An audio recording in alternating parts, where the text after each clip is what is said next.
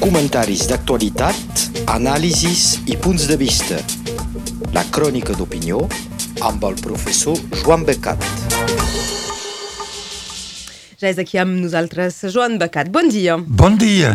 El professor jubilat que avui ens farà reflexions sobre les jubilacions. Precisament. eh, tothom hi té dret, no? I tant. I, I tothom té, no dic una opinió, en tot cas elements. És el que voldria compartir amb tots vosaltres. Ara que nos trobem entre dues onades de debats parlamentaris i de protestes, eh, la de l'examen de la llei de jubilacions a l'Assemblea de Diputats i la de l'examen al Senat que comença, m'ha semblat que era el moment de fer unes reflexions personals. No demani a ningú de vosaltres de compartir-les. Alguns, estic segur, que les trobareu desencertades o desafortunades, en un sentit o en un altre, però és el que observi i que pot servir en marge de les situacions i casos personals. Tothom pot constatar que la situació actual no va bé, que és plena sobretot d'injustícies, de desigualtats i de gent marginada. També estic segur que la llei com és ara o les propostes sindicals, dels contraris, no resoldran tot, ni de lluny, i que hi haurà sempre eh, desigualtats. El que més m'afereix és que hi hagi tanta gent que té jubilacions modestes i insuficients, hagin cotitzat i treballat prou o no, tant se val, que mal viuen i que veuen la seva situació empitjorar amb la inflació. El sistema actual és basat, recordem-ho, sobre la solidaritat entre generacions i entre tots. I, precisament ara, no assegura aquesta solidaritat. Al llarg dels anys, en efecte, s'han creat discriminacions entre les persones. Això no ho suporto. Parlarem també de mitjanes, però moltes persones poden dir que valen les mitjanes i que m'importen quan jo vaig malament. Efectivament. També a l'altra banda hi haurà qui viu millor, no dic bé, però qui viu millor, que no té tants problemes i que veu les seues perspectives de futur alterades, amb més treballs i més trimestres a cotitzar, sense parlar de les desigualtats de quantitats de pensió o danys per gent que ha fet feines semblants i no cobren el mateix i no tenen la mateixa edat de jubilació. I per tant, aquests pensaran per què jo tindria rebaixa pels altres? També hi ha privilegis. Privilegis entre cometes. Veieu, caldrà dir gent que té una situació més favorable que d'altres que fan una feina semblant i no en beneficien i que, lògicament, voldrien canviar de sistema ells. Jo vull solidaritat, diran uns, i d'altres. Què m'importa la solidaritat amb els altres si jo no haig d'anar tan bé?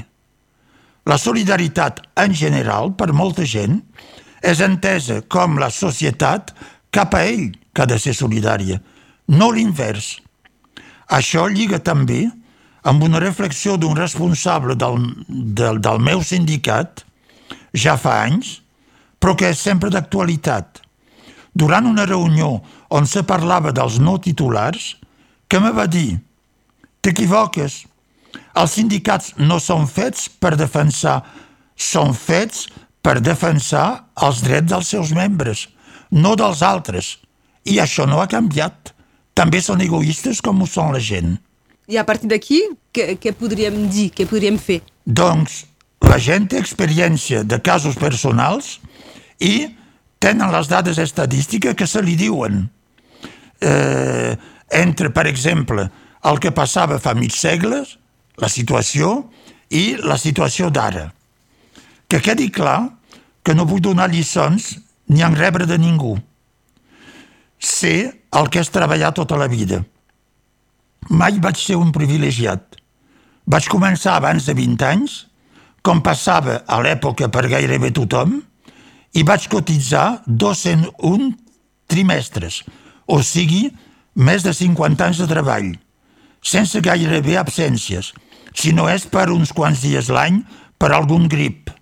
O sigui, que ha estat solidari amb tothom tota la vida i que he costat molt poc a la Seguretat Social. No me queixi, perquè he tingut la sort de fer la feina que sempre m'ha agradat, ensenyar. Del primari, on vaig començar, fins a la universitat. I vaig tenir la sort d'arribar a la jubilació sense tenir els nervis alterats, com molts ensenyants, i amb ganes de ser sempre útil pels altres. No se pot dir el mateix pels altres membres de la meva família, que van tenir una vida més dura, d'obrers, i van morir més joves que no sóc ara. Quan era jove, nen, m'impressionava molt la valentia del meu oncle Matías, que treballava pel que és ara EDF, a les línies, i pujava sol amb ferros especials pels pals per fer o, repas, o reparar les línies elèctriques. Un poc més gran vaig veure, després, que era una feina molt dura, esgotadora, estiu com hivern. Beneficiant d'un règim especial, l'oncle Maties se va jubilar més jove que el meu pare, que era peirer, i ell va esperar com tothom. S'ho mereixia l'oncle, perquè tenia una feina bastant dura i va ser castigat físicament.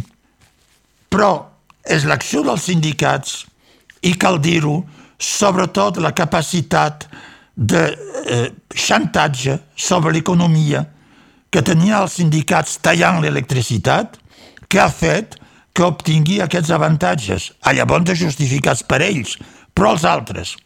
Avui no sé si tot això és tan justificat, perquè noti que els sindicats parlen ara de preservar les conquestes socials, no del per què d'aquestes conquestes. En efecte, la major part d'aquestes feines dures, a les inclemències, han estat externalitzades. És a dir, que no són els agents d'aquestes empreses que se n'encarreguen, sinó empreses subcontractades, amb obrers que continuen a la, a la intempèrie, Sí, ara no pugen amb ferros, sinó amb nacelles elevadores, però pateixen, eh, són a la, a la intempèrie i tenen la, la jubilació com tothom, tard i quan són esgotats.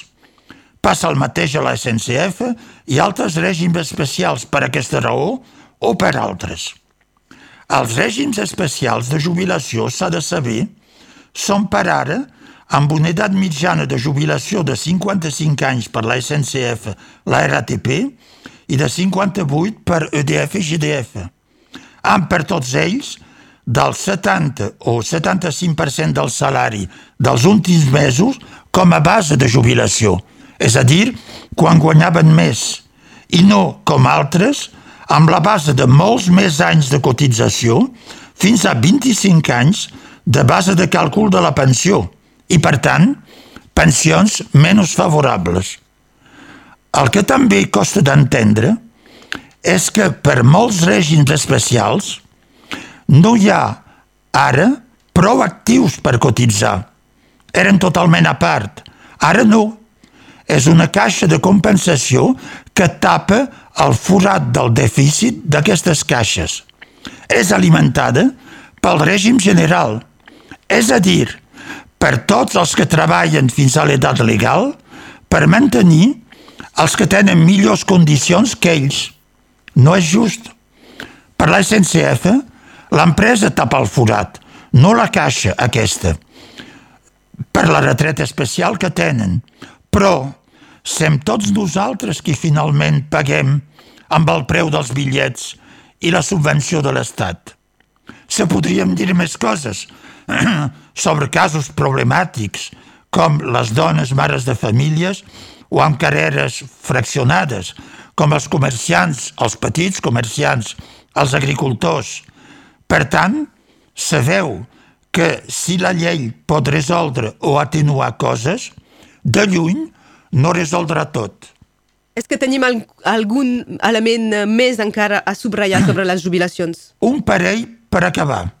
dos elements més de reflexió, que tots dos són certs, que mostren alguns aspectes especials, essencials del problema, i per aquests temes no veig que eh, ara per ara hi hagi cap intenció eh, d'hi portar remei. El primer, tothom pensa que s'ha guanyat la jubilació perquè ha cotitzat. He pagat, doncs vull cobrar. I punt. En realitat, el que han pagat er, quan treballaven eren pels jubilats de l'època, no per la pensió actual. Aquesta la paguen els actius d'avui dia. A l'època, fa 50 anys o més, i, i fins fa 30 o 40 anys, hi havia dos o tres actius per un jubilat. I la punció sobre els salaris era més baixa que ara. Ara paguen més que abans. Si aquests jubilats havien de cobrar en proporció del que han pagat realment, tindrien en general una pensió més baixa. Els actius d'avui dia paguen molt, se'ls reté molt, molt més que abans, perquè hi ha més jubilats que viuen més anys que abans. Bé, és un progrés, evidentment, però té un cost. Actualment, no hi ha dos o tres actius per un jubilat. Hi ha 1,3 cotitzant per un jubilat. És massa poc i crea, doncs, situacions injustes.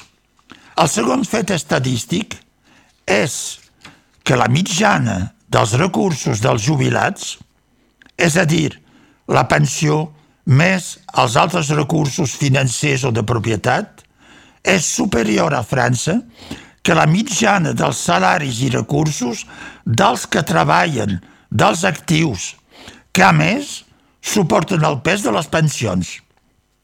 Ja sé que per molts de vosaltres i dels vostres coneguts hi ha recursos limitats i insuficients i seus jubilats. Però és cert que cal millorar la situació de molta gent. Però això no treu que en mitjana, és a dir, per una majoria, els jubilats tenen més recursos i més bona situació que els que contribueixen a pagar la seva jubilació i que se'ls hi acabarà allargant el període d'activitat amb la llei. I això jo ho trobo injust. Fins aquí aquestes reflexions per avui de Joan Becat eh, eh, lligades amb les jubilacions. Um, alt, ara obrirem un altre debat que seria, podria, podria ser molt llarg. Uh, L'hivern és poc plujós i la perspectiva de penúria d'aigua és aquí al tocar. Sí, podria ser més llarg, però no avui. En tornarem a parlar segur. Segur. Tot apunta que tindrem un any difícil pel que fa a l'aigua encara no començar març, d'aquí poc hi haurà març, però encara no hi és, i ja tenim el branle-bas de combat per l'aigua que podria faltar aquest estiu. Aquí, a Catalunya Nord i a tot França. A més, els especialistes del temps apunten que hi pot haver una segona secada, després de la secada de l'any passat, clar. El prefecte ha pres mesures a Catalunya Nord és un home d'acció. Però una mesura me fa somriure. Prohibeix, per exemple, d'omplir les piscines privades abans d'abril. Home, no sé si la gent se banya ara. Després d'abril se podran omplir? A veure, a França, el ministre corresponent reuneix tots els prefectes per anticipar un pla secada. Els agricultors d'aquí i de moltes regions diuen la seva preocupació i tenen raó, perquè tindran problemes. Se'n parla al Saló de l'Agricultura aquests dies a París. La premsa local ha reflectit les reclamacions dels pagesos nord catalans perquè ells, a més, veuen venir que se'ls tallarà l'aigua dels recs. Finalment, eh, falta cargament a les capes freàtiques i veieu costarà omplir els baratges. El que és cert és que aquests baratges els buidaran més de pressa i més d'hora. Per tant, faltarà aigua també a la tardor. Per tant, tenim un panorama difícil i incert, sense solucions ara per ara, amb una sola certitud. Serà un any difícil, amb afrontaments per l'aire. Ha començat els afrontaments amb els agricultors, que volen que se tallin les subvencions a France Nature Environnement, que els hi ha fet saltar l'aprovisionament dels recs pel Tribunal Administratiu de Montpellier, una regió que no rega i que no saben de què va. Diuen que han fet un pleit, aquest FNE, en justícia contra ells i contra l'economia de la regió, amb diners públics, dels impostos que, els, que ells paguen i que paguem tots. Hi ha una part de veritat. Però no crec que la regió ho faci dels i tallar les subvencions. I France Nature Environnement continuarà cobrant subvencions regionals per fer el que vulgui per una raó principal. Si Carola Delgà governa la regió és perquè necessita el Partit Ecologista. No he vist mai cap polític tallar la branca on és assegut. Però jo trobo que està bé que els agricultors cridin. Se diu que qui no brama, no mama. El president de France Nature Environnement, Simon Popy, diu a l'Independent que els 100.000 euros de subvencions regionals, meitat de la regió, meitat d'altres organismes, 100.000, no són pel contenciós jurídics, sinó per projectes. A qui ho farà creure? Jo, per exemple, tinc dues butxaques als meus pantalons, separades, però són els meus pantalons i quan una butxaca és buida, utilitzi l'altra. Li caldria recordar a aquest senyor la reflexió humorística d'Alfred Capuche, un escriptor i periodista de la Belle Époque, que deia «Tout est dans tout et réciproquement». Gràcies, Joan Becat. Bon dia a totes i a tots. Comentaris d'actualitat, anàlisis i punts de vista. La crònica d'opinió amb el professor Joan Becat.